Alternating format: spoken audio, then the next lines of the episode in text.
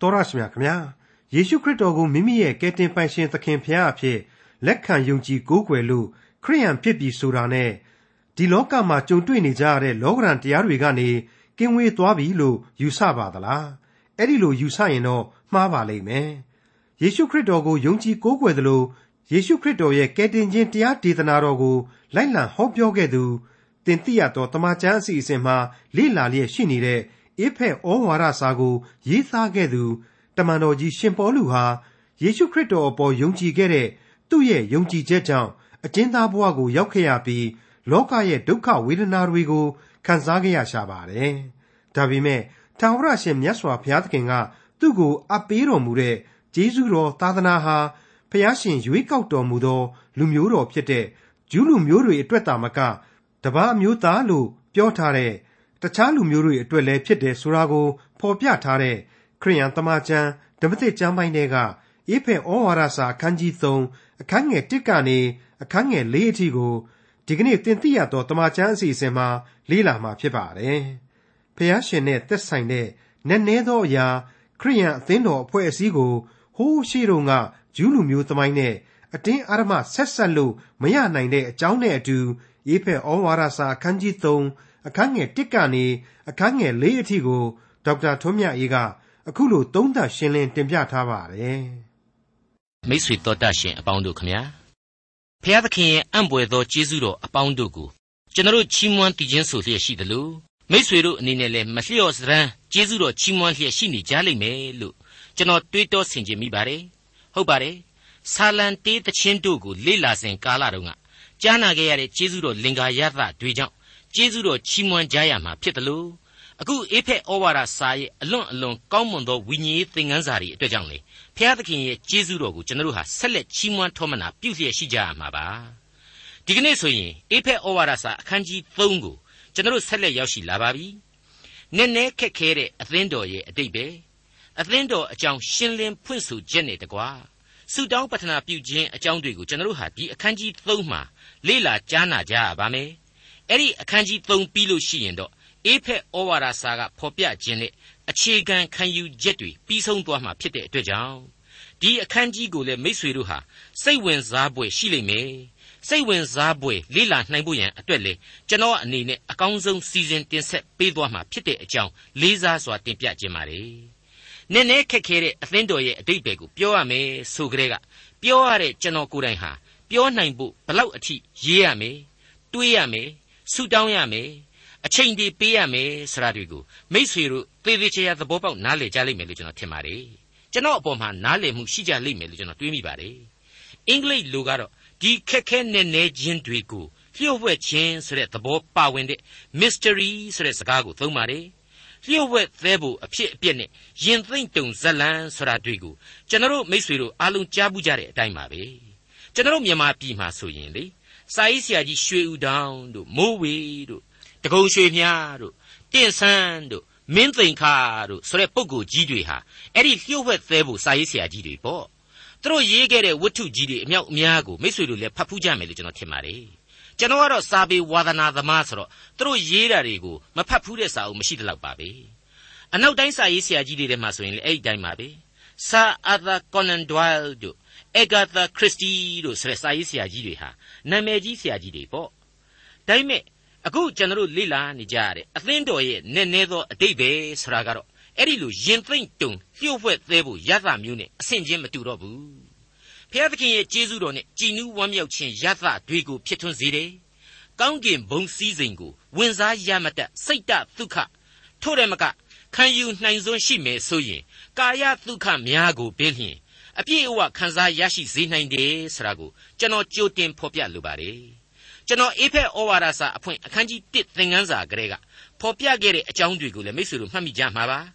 ယခင်အတိတ်ကာလကဘုရားသခင်ကအသိမပေးခဲ့ဘူးအခုအချိန်မှအဖြေပေးလိုက်တယ်အသိပေးလိုက်တယ်ရှင်းပြလိုက်တယ်အရင်တုန်းကဖုံးကွယ်ထားခဲ့တယ်အခုဖွင့်ဆိုအဖြေပေးလိုက်တယ်ဆိုတဲ့သဘောအတိုင်းပါပဲမိษွေတော်တတ်ရှင်အပေါင်းတို့ခမညာ အသင်းတော်သည်နက်နဲသောအတိတ်ပဲလျှို့ဝှက်သောအချင်းအရာဖြစ်တယ်ဆရာတွေ့ကိုကျွန်တော်ကပြောတဲ့အခါကျတော့အဲ့ဒီလိုပြောလိုက်ရတဲ့အချက်ကိုကနက်နဲနေတယ်ရှုပ်ထွေးနေခြင်းလည်းရှိနေလိမ့်မယ်လို့ကျွန်တော်ထင်ပါတယ်တကယ်လဲဒီအချက်တို့အပေါ်မှာမူတည်ပြီးတော့ယုံကြည်သူတွေရဲ့အချင်းချင်းကြားမှာလေပြဿနာပေါင်းမြောက်များစွာပွားနေတယ်လို့ကျွန်တော်ဆိုချင်ပါတယ်ဟုတ်ပါတယ်ခရိယန်အသင်းတော်ကိုဥဆောင်နေတဲ့ဓမ္မရေးအတွေ့အခေါ်သမားတွေကြားထဲမှာအစွန်းနှစ်ပါးဖြစ်နေတယ်လို့ကျွန်တော်ဆိုချင်ပါတယ် ပထမအစွန်းတစ်ဖက်ကတော့အခုရှင်ပေါလုဖော်ပြတဲ့အချက်တွေထဲမှာအထူးပြုထားတဲ့အချက်တစ်ခုဖြစ်တဲ့အသင်းတော်ဆရာဟာဓမ္မဟောင်းကျမ်းများနဲ့ပြည့်ညတ်တော်အဟောင်းများနဲ့မတိဆောက်ဘူးကယ်တင်ရှင်သခင်ခရစ်တော်ရဲ့ယေရှုဂရုဏာတော်အားဖြင့်သာလျှင်တိဆောက်ပါတယ်ဆိုတဲ့အချက်ကိုအရှင်းဂရုမစိုက်ကြဘဲနဲ့အသင်းတော်ဆရာဟာဣသရေလဂျူးတွေကနေသာတိုက်ရိုက်ဆက်နွယ်ဖြစ်ပေါ်လာတယ်ဆိုတဲ့အစွန်းတစ်ဖက်ဖြစ်ပါတယ်အဲ့ဒါကို convenient theory လို့ခေါ်ပါတယ် ဒါဟာအစွန်းတစ်ဖက်နော်ဆိုလိုတာကတော့ဘုရားသခင်ပေးတော်မူတဲ့လူမျိုးတော်ဆိုင်ရာဂတိတော်တွေနဲ့သာလျှင်အသင်းတော်ကိုဆက်ဆက်ပြီးတော့တွေးခေါ်ရမယ်လို့ခေါင်းမာမာနဲ့ဆိုခြင်းချင်းပဲအဲ့ဒီအတွေးခေါ်ကလာတဲ့ကျမ်းစာအုပ်တွေကိုကြည့်လိုက်ရင်အသင်းတော်အတွက်ဘုရားသခင်ချထားပြီးသောကောင်းကြီးများဆိုတဲ့ခေါင်းစဉ်တွေဣသရေလတို့အတွက်ဘုရားသခင်ချထားပေးသောကျင့်စာများဆိုတဲ့ခေါင်းစဉ်မျိုးတွေကလွှမ်းမိုးနေကြတယ်တနည်းပြောရရင်တော့အသင်းတော်ကိုကောင်းကြီးတွေပေးထားတယ် ဣသရေလကိုတော့ကျင့်စေထားတယ်ဆိုတဲ့သဘောပေါ့တကယ်တကယ်တော့ဣသရေလဆရာဟာကျင့်စာများနဲ့တော့ဓမ္မသမိုင်းအတွင်းမှာအမြဲဆက်ဆက်နေတာအမှန်တစ်ချိန်တည်းမှာအဲ့ဒီကျင့်စာ၌ပင်လျင်အကောင်းနဲ့အဆိုးဒွန်းတွဲနေတယ်ကောင်းကြီးမင်္ဂလာများနဲ့လည်းအများကြီးဆက်ဆက်နေတာပဲဆိုတဲ့သစ္စာတရားဖြစ်ပါတယ်ဒါကပထမပိုင်းအစွန်းရောက်ခြင်းအကြောင်းကိုကျွန်တော်ရှင်းလင်းပြခြင်းပါဒုတိယအစွန်းရောက်မှုကတော့ရှင်ပေါလုဟာနည်းနည်းသောအရာတွေကို ခရစ်တော်အားဖြင့်ငါ၌ဖွင့်ပြတော်မူတယ်ငါသိခွင့်ရတယ်ဆိုတဲ့ဖော်ပြချက်တွေကိုရှင်ပေါလုဆိုခဲ့တာနဲ့ပတ်သက်ပြီးတော့အဲ့ဒီရှင်ပေါလုစကားတွေကိုအသေးဆုပ်ကင်ပြီးတော့ဒါတွေဟာရှင်ပေါလုကနေတဆင့်သားလျင်တွေ့မြင်ရတဲ့အသင်းတော်ရဲ့နည်းနည်းချင်းတွေလျှို့ဝှက်ချက်တွေပဲဆိုပြီးတော့ခေါင်းမာမာနဲ့အစွန်းတပားကနေခံယူလိုက်ခြင်းဖြစ်ပါတယ်အဲ့ဒါကိုတော့ hyper dispensationalism လို့ခေါ်တာကိုကျွန်တော်တို့တွေ့ရပါတယ်အဲ့ဒါနဲ့ပဲ အသင်းတော်ဆရာဟာပင်တေကုတ်တီပွဲနေ့ကမှစပြီးတော့ဖြစ်လာတယ်အဲ့ဒီအချိန်ကာလကြမှာအသင်းတော်ဆရာဟာစလာတယ်ဆိုတာမျိုးခံယူကြခြင်းပဲဖြစ်ပါတယ်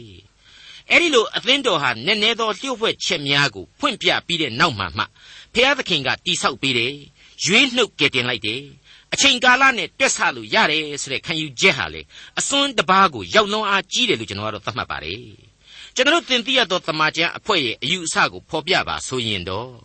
ဓမ္မဟောင်းကျမ်းများရဲ့ဗျာဒိတ်တော်များဟာ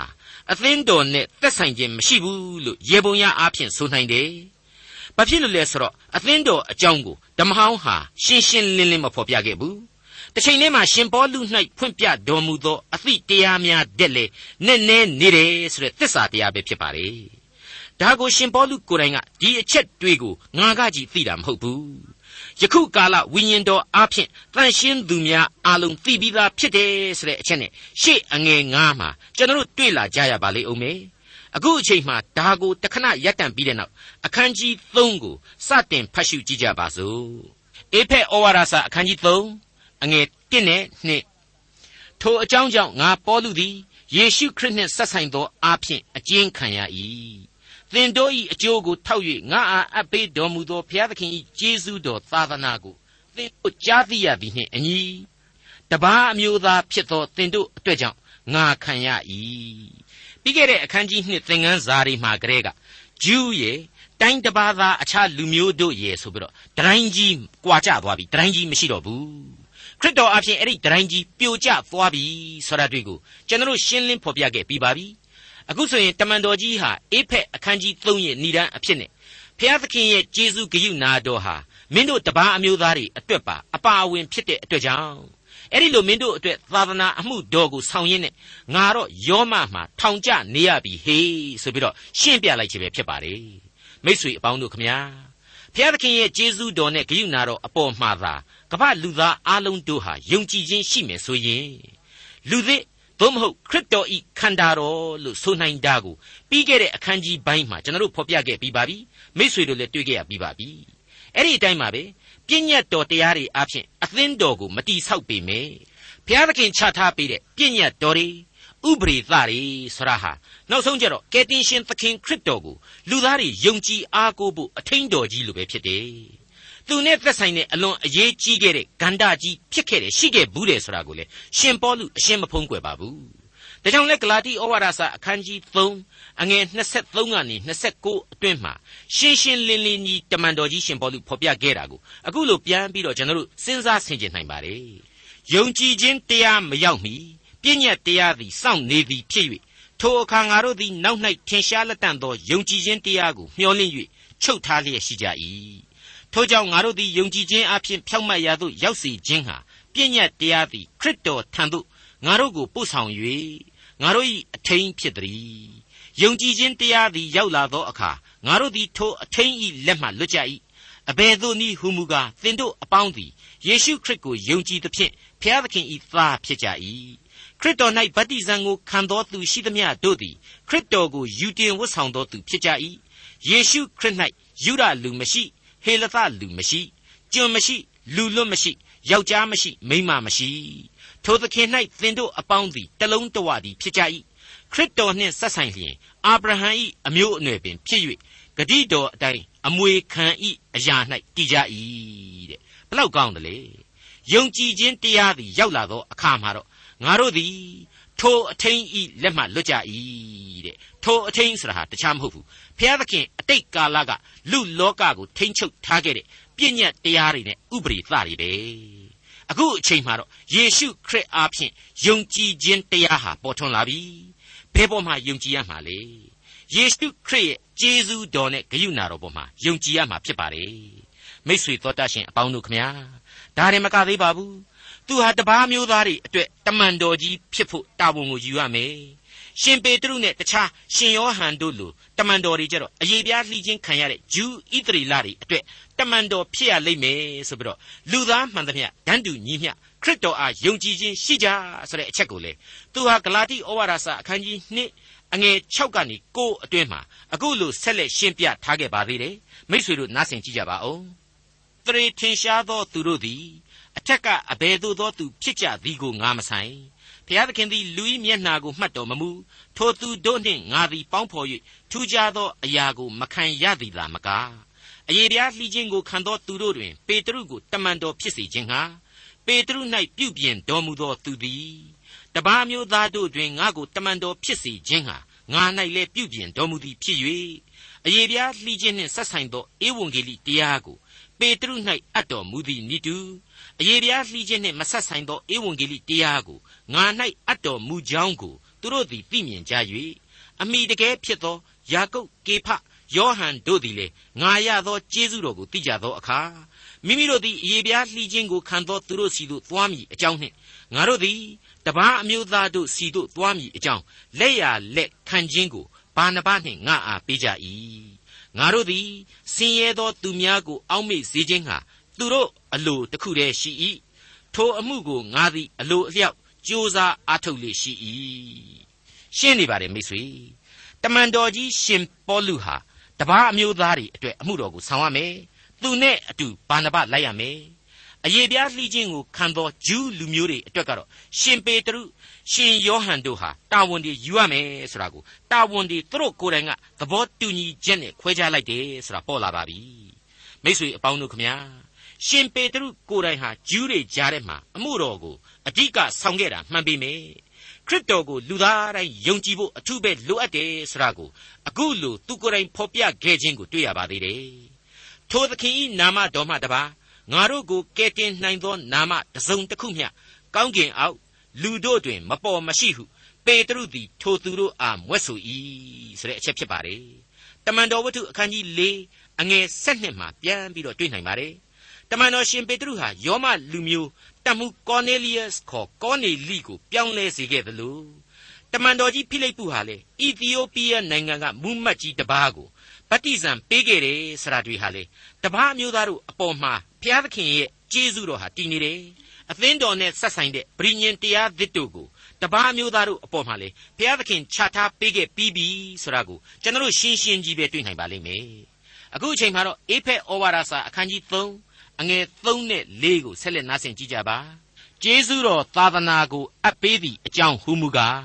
ငါသည်အထက်ကအနည်းငယ်ရေးထားခဲ့သည့်အတိုင်းဖျားသခင်သည်ဗျာဒိတ်တော်အဖျင်နည်းနည်းသောအရာကိုငါအားပြတော်မူ၏ ထိုစကားကိုဖတ်ရလျင်ခရစ်တော်၏နည်းနည်းသောအရာ၌ငါလေ့ကျက်သည်ကိုသင်တို့သည်သိရကြမည်တဲ့ဒီအပိုင်းမှာဘုရားသခင်သည်ဗျာဒိတ်တော်အဖြစ်ငါအားနည်းနည်းသောအရာကိုပြသတော်မူ၏ဆိုပြီးတော့တမန်တော်ကြီးဟာသူဗျာဒိတ်ကိုခန်းစားရရှိကြောင်းဖော်ပြလိုက်ပါတယ်ကျွန်တော်အထက်ကဖော်ပြခဲ့တယ်လို့ပဲပေါလုကိုဗဟိုပြုပေါလုမှသာလျှင်နည်းနည်းသောအသင်းတော်ရဲ့အကြောင်းအရာတို့ကိုသိရတာပဲဆိုတဲ့အစွန်းအရောက်အတွေးအခေါ်ဟာ အစွန်းရောက်အတွေးအခေါ်ကြီးဟာကျမ်းစာသူတေတီတို့ရဲ့အခုကျမ်းပေါ်မှာအာယုံရောက်လွန်းရာကနေအစွဲကြီးရာကနေပြီးတော့ဖြစ်ပွားလာရခြင်းပဲလို့ကျွန်တော်အလေးအနက်ယူဆမိပါတယ်။ဒါဟာစောပိုင်းတုန်းကကျွန်တော်ပြောခဲ့တဲ့ hyper dispensationalism ရဲ့အစပဲပေါ့။ဒါပေမဲ့အဲ့ဒီလိုဗျာဒိတ်တော်ကိုခံယူရတာဟာသူကြည့်ပဲမဟုတ်ပါဘူး။အကယ်၍သာအငယ်ငါးကိုဆက်ဖတ်ကြည့်လိုက်မယ်ဆိုရင်ထိုနည်းနည်းသောအရာကို တန်ရှင်းသောတမန်တော်တို့နှင့်ပရောဖက်တို့အားယခုကာလ၌ဝိညာဉ်တော်အဖျင်ဖွင့်လှစ်တော်မူသည်နိတူအခြားသောကာလတို့၌လူမျိုးတို့အားပြတော်မမူဆိုပြီးတော့တမန်တော်ကြီးဆိုထားတာကိုတွေ့ရမှာပါပေါလုရဲ့ဗျာဒိတ်တော်တွေကိုခံယူရရှိခြင်းတွေဟာခရစ်တော်ကိုအမြဲဆန့်ကျင်ရန်ပြုတ်နေတဲ့ရှောလူဘဝကနေပြီးတော့သူ့ကိုပေါလုဘဝသို့ပြောင်းလဲစေခဲ့တယ်အသင်းတော်ကိုဖျက်ဆီးခြင်းဟာငါ့ကိုညှင်းဆဲခြင်းနဲ့အတူတူပဲဆိုတဲ့အချက်အားဖြင့် သူဟာခရစ်တော်ဟာအသင်းတော်ရဲ့ဥကောင်းပဲဖြစ်တယ်ဆိုတာကိုနားလေသွားရစေတယ်လို့ကျွန်တော်ခံယူပါတယ်အဲ့ဒီအသင်းတော်ဆိုတာဟာသမိုင်းကိုပြန်ပြီးကြည့်လိုက်တဲ့အခါကျတော့တမန်တော်ကြီးရှင်ပေါလုမပြောင်းလဲခင်ပင်တေကုတ်တီပွဲတော်နေ့မှာကလေးကစတင်ပေါ်ထွက်ခဲ့ပြီးပြီဖြစ်ပါတယ်မိတ်ဆွေအပေါင်းတို့ခမညာနည်းနည်းသောအရာသို့မဟုတ် mystery ဆိုတာဟာကျွန်တော်ပြောခဲ့တဲ့အတိုင်းပဲတာမန်လျှို့ဝှက်သေးဖို့ဇာလန်းသဘောမဟုတ်ပါဘူး ဖျားသခင်နဲ့သက်ဆိုင်နေတဲ့နည်းနည်းသောအရာဖြစ်ပါတယ်ဓမ္မဟောင်းကျမ်းတွေမှာအတိတ်ပဲဖွင့်ဆိုခြင်းအရှင်းမရှိပါဘူးဒါကြောင့်ဓမ္မဟောင်းကာလလူသားတွေလည်းသိခွင့်မရှိဘူးလို့ရေပုံရအဖြစ်ကျွန်တော်တို့ဆိုချင်ပါတယ်အခုဓမ္မသစ်ကျမ်းတွေမှာကတော့နည်းနည်းသောအရာဆိုတဲ့အချက်ကိုအကြိမ်ပေါင်း28ကြိမ်တိုင်တိုင်ဖော်ပြထားတာကိုလေ့လာနိုင်ပါတယ်အဲ့ဒီအထက်ကမတူညီတဲ့နည်းနည်းချင်း7ခုကိုဖော်ပြထားတာကိုလည်းတွေ့နိုင်ပါသေးတယ် အခုတမန်တော်ကြီးရှင်ပေါလုကနေပြီးတော့နည်းနည်းသောအရာဆိုတဲ့အချက်ကိုအကြိမ်ကြိမ်ဖော်ပြတာဟာဆိုရင်အကြောင်းရှိပါတယ်အဲ့ဒါကတော့ Greek ယဉ်ကျေးမှုနဲ့ယောမအာနာဇက်အောက်ကပေါလုခေတ်ကပ္ပသမိုင်းဟောင်းမှာလျှို့ဝှက်သောဘာသာရေးအဖွဲ့အစည်းတွေ mystery religions လို့ခေါ်တဲ့အဖွဲ့အစည်းကြီးတွေဟာအများကြီးရှိနေကြလို့ပါပဲအဲ့ဒီ mystery religions အဖွဲ့အစည်းကြီးတွေဟာအလွန်လျှို့ဝှက်နဲ့နဲတဲ့အလုတ်ကြီးအကန့်ကြီးတွေကိုလုပ်ခဲ့ကြတယ် အပြင်လူတယောက်အနေနဲ့ဘယ်နည်းနဲ့မှသိခွင့်မရှိဘူးဆိုတဲ့သိုသိမ့်တဲ့ဂိုင်းကနအဖွဲ့အစည်းအသွင်တွေကိုဆောင်ခဲ့ပါလေသူတို့အထဲကိုဝင်မဲ့လူသားချင်းသိခွင့်ရှိတဲ့အစဉ်အလာတွေကျင့်ထုံးတွေကိုသူတို့သုံးဆွဲခဲ့ကြတယ်အပြင်ကလူတယောက်ကသိသွားရင်အဲ့ဒီလူကိုသူတို့အဖွဲ့တဲကိုဝင်ခြင်းရင်ဝင်မဝင်ဘူးဆိုရင်သတ်ပစ်တဲ့အထီကိုလျှို့ဝှက်တဲ့အတွက်သူတို့အဲ့ဒီလျှို့ဝှက်အဖွဲ့အစည်းကြီးတွေကို secret lodges ဆိုပြီးတော့ခေါ်တွင်ခဲ့ကြဘူးပါတယ် အဲ့ဒီလိုလျှို့ဝှက်နေနေတဲ့အဖွဲ့အစည်းတွေကိုးကွယ်မှုတွေကိုလည်းရှင်ပေါလုဟာအခုနှုတ်ကပတ်တော်ကလျှို့ဝှက်နေနေခြင်းဆိုတဲ့အချက်နဲ့ပြောင်းပြန်လှန်ပြီးတော့ထင်ရှားအောင်တမင်ဖော်ပြလိုက်တာပဲလို့ကျွန်တော်ဆိုချင်ပါတယ်အခြားအခြားနည်းနည်းသောအရာတွေစရာတွေဟာအပြင်းလူအဝင်မခံဘူးသူတို့အထဲကိုဝင်မှပဲသိရတဲ့လျှို့ဝှက်အယူအဆတွေဖြစ်ကြတယ်အကျိုးမဲ့တဲ့သီးထန်တဲ့အစွဲအလန်းကြီးတွေရှိကြတယ်အခုဧဝံဂေလိတရားကတော့ဒီအတိုင်းမဟုတ်တော့ဘူး ငါသာမဖော်ပြရရင်ငါစီမှာအပြစ်ဖြစ်ပြီဆိုတာကိုတမန်တော်ကြီးရှင်ပေါလုခံယူရသလိုကျွန်တော်ယုံကြည်သူတိုင်းအဖို့ဟာလေဘုရားသခင်ရဲ့နည်းနည်းသောကယ်တင်ခြင်းတရားကိုလူသားတိုင်းကိုဖော်ပြပေးဖို့တာဝန်ရှိနေတယ်ဆိုတာကိုကျွန်တော်အလေးအနက်သတိပြုဖို့လိုရတယ်ဘုရားသခင်ရဲ့နည်းနည်းသောအမှုတော်တို့အတွက်သစ္စာရှိသောငယ်သားများ အမှုတော်ဆောင်ကောင်းများဖြစ်နိုင်ဖို့ရန်အတွက်ကျွန်တော်ကြိုးစားသွားကြရမှာဖြစ်တယ်ဆိုတာကိုစန့်ကျင်ဘက်တရုပ်အဖြစ်ကျွန်တော်နားလေခံယူကြရမှာဖြစ်ပါတယ်လူသားတွေရဲ့အုံနောက်အတွေးအခေါ်တွေကလာတဲ့အဖွဲ့အစည်းတွေနဲ့အသင်းတော်ဟာဘယ်နည်းနဲ့မှမတူနိုင်ဘူးအဖဖျားသခင်ရဲ့ကျေးဇူးနဲ့ဂရုနာတော်ပေါ်မှာအခြေတည်တယ်အဖဖျားသခင်ရဲ့ရှေးမဆွကပင်ရွေးကောက်တော်မူသောနည်းနည်းသောအရာဖြစ်တယ်။ဘုရားသခင်ရဲ့ကောင်းကင်နိုင်ငံတော်အမွေကိုခံဖို့ရန်အတွက် တန်ရှင်းသောဝိညာဉ်တော်အဖြစ်တစိ့ခတ်နှိပ်ခြင်းရှိတယ်။ကယ်တင်ရှင်သခင်ခရစ်တော်ဒီဟုသောဥကောင်းမှတွယ်ဆက်ထားသောလူသစ်ဖြစ်တယ်။ဒါကြောင့်မလို့ကျွန်တော်အသင်းတော်အဖွဲ့အစည်းဟာဘုရားသခင်ရဲ့ကျေးဇူးနဲ့ဂရုနာတော်ကိုကမ္ဘာလောကကြီးတစ်ခုလုံးသိအောင်ကြွေးကြော်ဖော်ပြသွားကြရပါလိမ့်မယ်။မိတ်ဆွေတော်တတ်ရှင်အပေါင်းတို့ခမညာအေဖက်ဩဝါဒစာအခန်းကြီး1ရဲ့အငယ်6မှာကလေးကဘုရားသခင်သည်နှလုံးသွင်းတော်မူသောစေတနာတော်နှင့်လျော်သောအလိုတော်ဤနည်းနည်းသောအရာကို ငငါတို့အားပြတော်မူ၏ဆိုပြီးတော့နည်းနည်းသောအရာဆိုတာနဲ့ကျွန်တော်တို့ကိုအကျွန်းဝင်စေခဲ့ပါတယ်အဲ့ဒီနည်းနည်းသောအရာဟာဘာလဲဆိုတဲ့အဖြေကိုတော့အေဖက်ဩဝါဒစာအခန်းကြီး2အငယ်14ကနေ18အတွင်းမှာကျွန်တော်တို့တွေ့ကြရပြီးပါပြီဒါကိုတကြော့ပြန်ပြန်လည်ဖတ်ရှုပြပါရစေအေဖက်ဩဝါဒစာအခန်းကြီး2အငယ်14မှ18အဘယ်သို့နည်းဟူမူကားထိုသခင်သည်ငါတို့ဤယဉ်ငိမ့်ခြင်းအကြောင်းဖြစ်တော်မူ၏ ဝီနီးအထုံးအဖွဲ့နှင့်ဆက်ဆိုင်သောပြည့်ညတ်တရားဒီဟုသောယဉ်ညိုးဖွဲ့ခြင်း၏အကြောင်းကိုကိုခန္ဓာတော်တွင်ပယ်ရှင်းတော်မူသဖြင့်ပိုင်းခြားလျက်ရှိသောစัจ जा အုတ်တိုင်းနေရန်ကိုဖြိုဖျက်၍လူမျိုးနှစ်စုတို့ကိုတစုတည်းဖြစ်စေတော်မူ၏အကြောင်းမူကားရန်ကိုငြိမ့်စေပြီးလျှင်ကိုတော်၌ထိုလူနှစ်စုတို့ကိုလူသစ်တဦးကတကိုယ်တည်းဖြစ်စေခြင်းဟာပြင်ဆင်၍တလုံးတဝတည်းဖြစ်ပြီးသောထိုလူနှစ်စုတို့ကို လက်ဝါးကတိုင်တော်အားဖြင့်ရန်ကိုသတ်ဖြတ်လျက်ဖျားသခင်နှင့်မိသဟာယဖွဲ့စေမည်အကြောင်းဒီထိုခရစ်တော်သည်လည်းကြွလာ၍ဝေးလျက်ရှိသောသင်တို့အား၎င်းနီးလျက်ရှိသောငါတို့အား၎င်းယဉ်ငင်းခြင်းတရားဒီဟုသောဧဝံဂေလိတရားကိုဟောတော်မူ၏ထိုသောခရစ်တော်အားဖြင့်ငါတို့နှစ်ဦးသည်စိတ်ဝိညာဉ်တလုံးတဝသည်ဖြစ်၍ခမည်းတော်ထံသို့တိုးဝင်ရမည်အခွင့်ကိုရကြပြီဘလောက်ကောင်းလဲ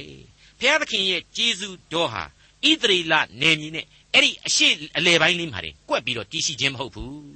ဖျားသခင်ရဲ့အသက်လံကယ်တင်ခြင်းကျေးဇူးဆရာဟာကဘာကုံကျဲ့သွေလူသားတိုင်းနဲ့ဆိုင်နေလူသားတိုင်းသိနာလေရမယ်ဖျားသခင်သိစေလိုသောကျေးဇူးတော်ဖြစ်တယ်လူသားတိုင်းအတွက်ဖျားသခင်ချထားပေးသောအမွေဒါကိုဣသရေလဟာမောင်ပိုင်စီးလို့မရပါဘူးကျွန်တော်ယုံကြည်သူခရိယန်များဟာယုံကြည်ခြင်းမာနထားလို့မရဘူးဒီယုံကြည်ခြင်းအပြင်လူသားတိုင်းကို ဒီမေတ္တာတော်ကိုဝေမျှနိုင်ရမယ်အသက်လန်းအကြောင်းကိုဧဝံဂေလိကျေးဇူးတရားအဖြစ်ကျွန်တော်ထင်ရှားသက်သေတည်စေရပါလိမ့်မယ်မိษွေတော်တတ်ရှင်အပေါင်းတို့ခမညာဒီအေဖက်ဩဝါဒစာသင်ခန်းစာတွေအားဖြင့်ခရစ်တော်၏အသေးခံပြီးနောက်ရှင်ပြန်ထမြောက်တော်မူခြင်းအပြင်ဣသရေလခေါ်ဂျူးနဲ့တပားအမျိုးသားတို့ဆိုပြီးတော့ခြားနာချက်ဟာအရှင်းမရှိတော့ဘူးစัจ जा နေတိုင်းကြီးဟာအရှင်းပြိုပြက်သွားပြီဆိုတာကိုတွေ့ရပါတယ် ကျေးဇူးတော်ဟာဒီတိုင်းကြီးပြိုကျသွားရခြင်းအပြင်ပို့ပြီးတော့ထင်ရှားတယ်ကျေးဇူးတော်ဟာခရစ်တော်၌လူသစ်ကိုတလုံးတဝတည်းဖြစ်စေတယ်ကဘာတစ်ခုခရစ်တော်၌မိသားစုဖြစ်တယ်ဆိုတာကိုဖော်ပြလိုက်တယ်ကောင်းကင်ဘုံရှင်အဖဖျားသခင်ထံသို့လူသားတိုင်းအတူတကွတိုးဝင်ချင်းကပ်ရသောအခွင့်ကိုရကြပြီဆိုတဲ့အဓိပ္ပာယ်ပဲဖြစ်ပါတယ်ဟုတ်ပါတယ်အဲ့ဒီအချက်ကိုပဲယောမဩဝါဒစာအခန်းကြီး16ရဲ့ဏိဂုံးအပိုက်ဟာကျွန်တော်တို့အတွက်အခုလိုဖော်ပြခဲ့ပါသေးတယ် ယောမဩဝါဒစာအခန်းကြီး16အငယ်25ကနေ29အတွင်းကိုပြန်ပြီးတော့နားဆွင့်ကြည့်စီခြင်းပါတယ်ရှေးကကာလပတ်လုံးပွက်ထားပြီးလျင်ယခုမှထင်ရှားသည်ဖြစ်၍လူမျိုးအပေါင်းတို့သည်ယုံကြည်နားထောင်ကြမည်အကြောင်းပရောဖက်တို့၏ကျမ်းစာများလာသည်နှင့်အညီထာဝရဘုရားသခင်၏ပြည့်ညတ်တော်အတိုင်းထိုသူတို့အားဖော်ပြရသောနည်းနည်းရာကိုဖွင့်ထားခြင်းကျေးဇူးတော်နှင့်လျော်စွာ ငါဟောသောဧဝံဂေလိတရားဒီဟုသောယေရှုခရစ်၏အကြောင်းကိုဟောပြောခြင်းအပြင်သင်တို့ကိုမြဲမြံခိုင်ခံ့စေခြင်းဟာတတ်နိုင်တော်မူသောအရှင်တဆူတည်းသာလျှင်ပညာနှင့်ပြည့်စုံတော်မူသောဘုရားသခင်သည်ယေရှုခရစ်အပြင်ကဘာအဆက်ဆက်ဘုံကြီးတော်မူစေသတည်းအာမင်အဲ့ဒီလိုဖော်ပြထားခြင်းဖြစ်ပါတယ်မိษွေတော်တတ်ရှင်အပေါင်းတို့ခမညာမယိုးမဆွဲဒီအတိုင်းဖော်ပြထားပြန်တာကတော့ကျွန်တော်နောက်ပိုင်းမှာဆက်လက်လေ့လာသွားကြရမယ် ကောလောသဲဩဝါဒစာအတွင်းမှာဖြစ်ပါတယ်ကောလောသဲဩဝါဒစာအခန်းကြီး1အငယ်25ကနေ29အတွင်းမှာအခုလိုဖော်ပြထားခြင်းဖြစ်ပါတယ်ရှေးကပ်ကာလပတ်လုံးပွက်ထားလျက်ရှိတော်လေယခုတွင်တန်ရှင်းသူတို့အားဖော်ပြသောနည်းနည်းရာကြီးဟုသောဘုရားသခင်၏နှုတ်ကပတ်တရားတော်ကိုအကုန်အစင်ဟောပြောစီခြင်းဟာသင်တို့အကျိုးကိုထောက်၍ငါအားအပ်ပေးတော်မူသောဘုရားသခင်၏သာသနာတော်နှင့်အညီ ငါသည်အသင်းတော်၌ဓမ္မဆရာ၏အဖြစ်သို့ရောက်ရပြီတပားမျိုးသားတို့တွင်ဤနက်နဲသောအရာနှင့်ဆိုင်သောမဟာစည်းစိမ်ကအဘယ်မျှလောက်ကြီးသည်ကိုတန်ရှင်းသူတို့သည်သိစေခြင်းဟာဘုရားသခင်အလိုရှိတော်မူ၏ထိုစည်းစိမ်ကဘုံအသရေကိုမျှော်လင့်ခြင်းအကြောင်းဒီဟုသောသင်တို့အထက်၌တည်တော်မူသောခရစ်တော်ပေတည်းတဲ့ဒီတော့ ဘုရားသခင်နဲ့သက်ဆိုင်တဲ့နက်နဲသောအရာဖြစ်တဲ့အသင်းတော်ဆိုတာကိုဓမ္မဟောင်းကာလရဲ့ဓမ္မသမိုင်းလူအဖွဲ့အစည်းနဲ့အတင်းဆက်ဆက်လို့မရနိုင်သလိုဓမ္မဟောင်းကာလရဲ့ပြည့်ညတ်တော်အပေါင်းတို့ဟာဓမ္မသစ်ကာလရဲ့အဲ့ဒီအသင်းတော်ကိုတွန်းအားပေးပြုစုလိုက်တယ်ဆိုတာကိုလည်းညင်းလို့ရနိုင်ပွဲမရှိပါဘူး။ဘာဖြစ်လို့လဲဆိုတော့ပြည့်ညတ်တော်တို့ဟာကျွန်တော်အပြစ်လူသားရဲ့အားနေခြင်းအပြစ်တွေကိုမြင်အောင်စေပြီးတဲ့နောက်ကယ်တင်ရှင်ယေရှုတော်ကိုမျှော်လင့်တောင့်တစေတယ်ကယ်တင်ရှင်ကိုအားကိုးခိုလှုံစေတယ် ဒီကယ်တင်ရှင်ယေရှုတော်ဆရာဟာလေကယ်တင်ရှင်သခင်ခရစ်တော်ကိုယုံကြည်ခြင်းအားဖြင့်သာလျှင်ခံစားရဆုကျေးဇူးတသက်ဖြစ်တယ်ခရစ်တော်ကိုယုံကြည်သူဟာခရစ်တော်ဒီဟုသောဥကောင်းနဲ့တစ်ဆက်တစ်ဆက်ကြီးသောလူသစ်ဖြစ်လာရတယ်ခရစ်တော်၌ခန္ဓာတော်သာဖြစ်လာရတယ်ဆိုတဲ့အချက်တွေးကိုနားလည်လာစေပါ रे ဘုရားသခင်ရဲ့အတိတ်ပဲနဲ့နေခြင်းနဲ့ပြည့်ဝသောအသင်းတော်မှာယုံကြည်သူအပေါင်းတို့ဟာခရစ်တော်အားဖြင့် တည်ကြည်ခြင်းရှိနိုင်ကြပါစေလို့ကျွန်တော်တို့ဆုတောင်းမေတ္တာပို့သလျက်ရှိနေပါတယ်ထို့ကြောင့်သင်တို့သည်တကြွတနိုင်ငံသားမဟုတ်ဧည့်သည်လည်းမဟုတ်တန်ရှင်းသူတို့၏အမျိုးသားချင်းဖြစ်ကြ၏ဘုရားသခင်၏အိမ်တော်သားလည်းဖြစ်ကြ၏အဘယ်သို့နည်းဟူမူကားတမန်တော်တို့မှစ၍ပရောဖက်များဒီဟုသောတိုက်မြစ်အပေါ်၌သင်တို့သည်ထပ်ဆင့်၍တိဆောက်လျက်ရှိကြ၏ထိုတိုက်တောင်အမြင့်ကြောက်ကယေရှုခရစ်ဖြစ်သည်ထိုကြောက်နှင့်ဒရိုက်လုံးသည်စိတ်ဆက်၍ကြီးပွားသဖြင့် သခင်ဖျားအဖို့အလို့ငှာတန်ရှင်းသောဗိမာန်တော်ဖြစ်၏ထိုဗိမာန်တော်၌လေဖျားသခင်သည်ဝိညာဉ်တော်အားဖြင့်ကျိန်းဝတ်တော်မူခြင်းအလို့ငှာသင်တို့သည်ငါတို့နှင့်အတူတည်ဆောက်လျက်ရှိကြ၏အာမင်ဒေါက်တာထွန်းမြတ်ရေးစီစဉ်တင်ဆက်တဲ့တင်ပြတော်တမချန်းအစီအစဉ်ဖြစ်ပါတယ်နောက်တစ်ချိန်အစီအစဉ်မှာခရိယန်တမချန်းဓမ္မသစ်ကျမ်းပိုင်းတွေကအိဖက်ဩဝါဒစာအခန်းကြီး3အခန်းငယ်9ကနေ အခန်းငယ်9အထိကိုလေ့လာမှဖြစ်တဲ့အတွက်စောင့်မျှော်နားဆင်နိုင်ပါတယ်။